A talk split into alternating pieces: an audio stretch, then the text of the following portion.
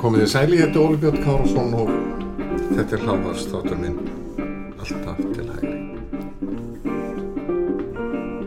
Það er stundum einhver líkar en að kerfið sé reyðubúið til að gera allt til að verjast þegar að tilvæg sér ógnað og fátt áttast kerfið meira en nýja hugsun, nýjar aðferðir og frumkvöðlana sem bjóða hagkvæmari lausnir sem byggja undir betri þjónustu. Embætti landlæknis hefur ákveðið að stefna Köru Connect og fleiri aðlöf fyrir dóm vegna úrskurðar kærunemdar útbóðsmála sem lagði 9 miljón krónar stjórnaldsegt á embættið það sem ekki við að farið að lögum um útbóð við þróun á hugbúnaðakerfum helsuveru og heklu auk þróunar á fjarfundabúnaði til notkunar á hilbriðisvið. Þá var embættinu gert að greiða Köru Connect 2 miljónir í málskostað. Það tók embætti landlæknis halvt ár að taka ákvörðun um að stefna nýsköpunafyrirtækinu í tilrönd til að nekja ákvörðun kærunemdar. Og varðla var svo ákvörðun tekin án stuðnings ráðuneytis helbriðismála. Með þessu er raunni landlæknir að leggja það á nýskupuna fyrirtæki að þurfa að verjast fyrir dómi, eigða fjármunum, kröftum og hugviti í að verjast kerfinu sem sækir að þeim í stað þess að halda áfram að finna nýja lausnir, innlega nýja hugsun sem verður til þess að þjónusta við okkur borgarana innan helbriðiskerfið sinns verður betri og skilvirkari.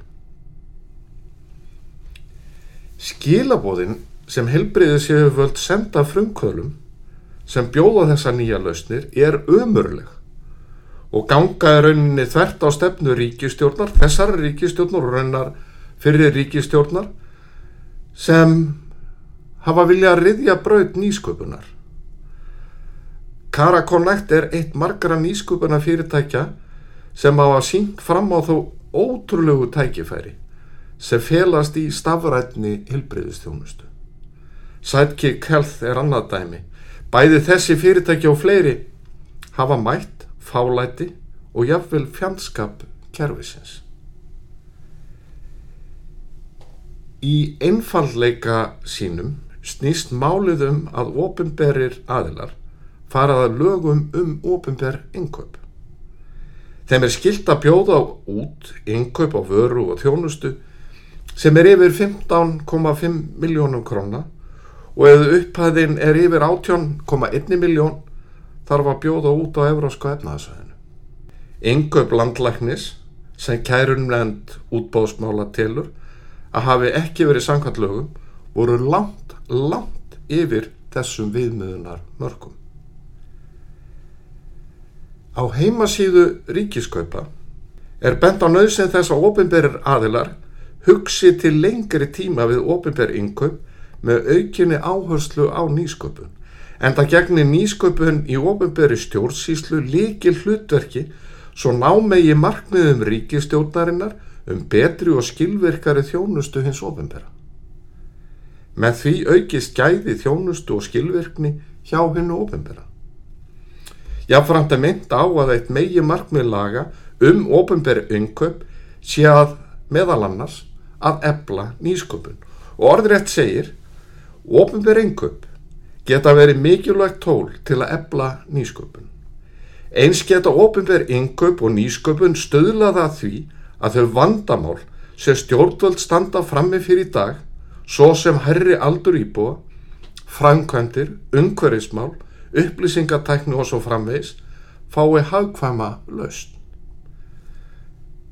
Það verður því ekki annað sagt en að kæra embættis landlæknis gangi þvert að áður nefnd markmið laga um ofinber inköp.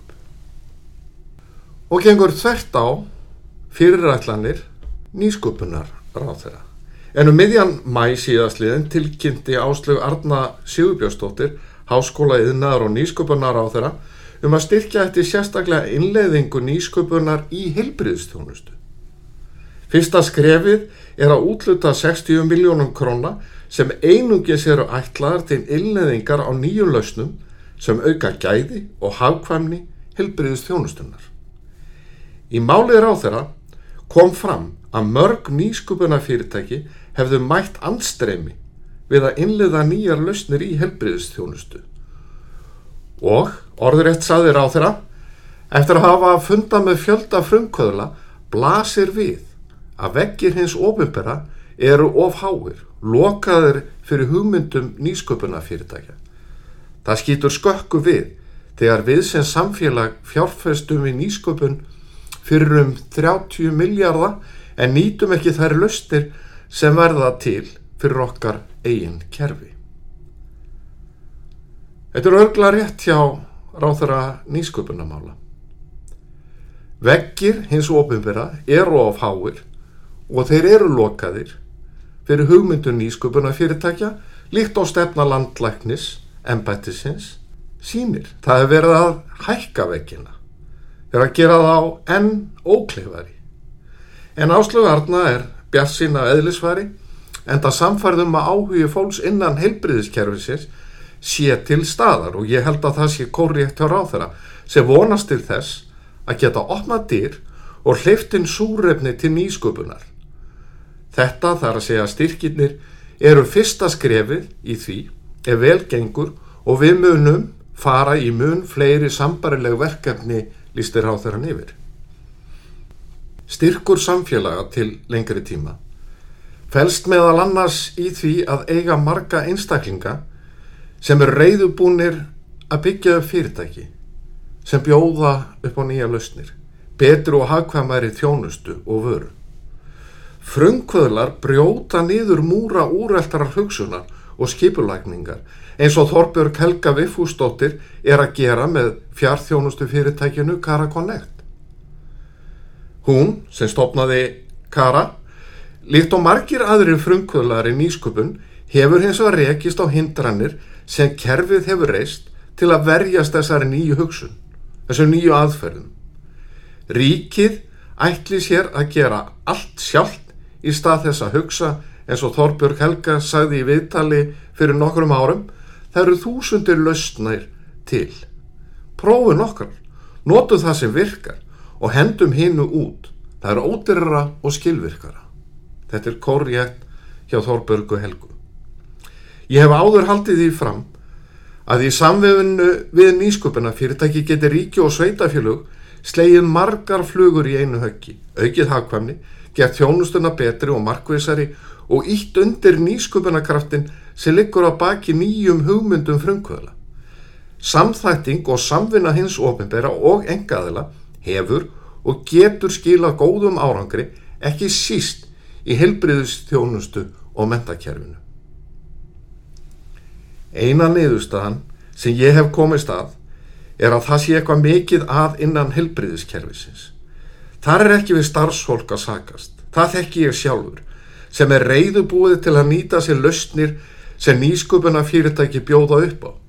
Það er kerfið sjálft, kerfið, sem engi veit hvað er sem er líkt og þurs sem er tilbúin til að beita öllum ráðum til að koma í vekk fyrir nýsköpun og er reyðubúin til að hindra að bestu getu að farvegur fyrir nýja hugsun, nýja nálgu, nýja tækni og hagkvamari og betri þjónustu myndist.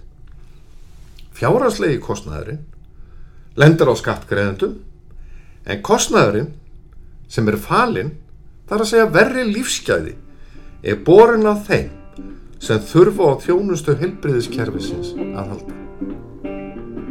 Ég þakka þeim sem hlýtu eða góða stundir.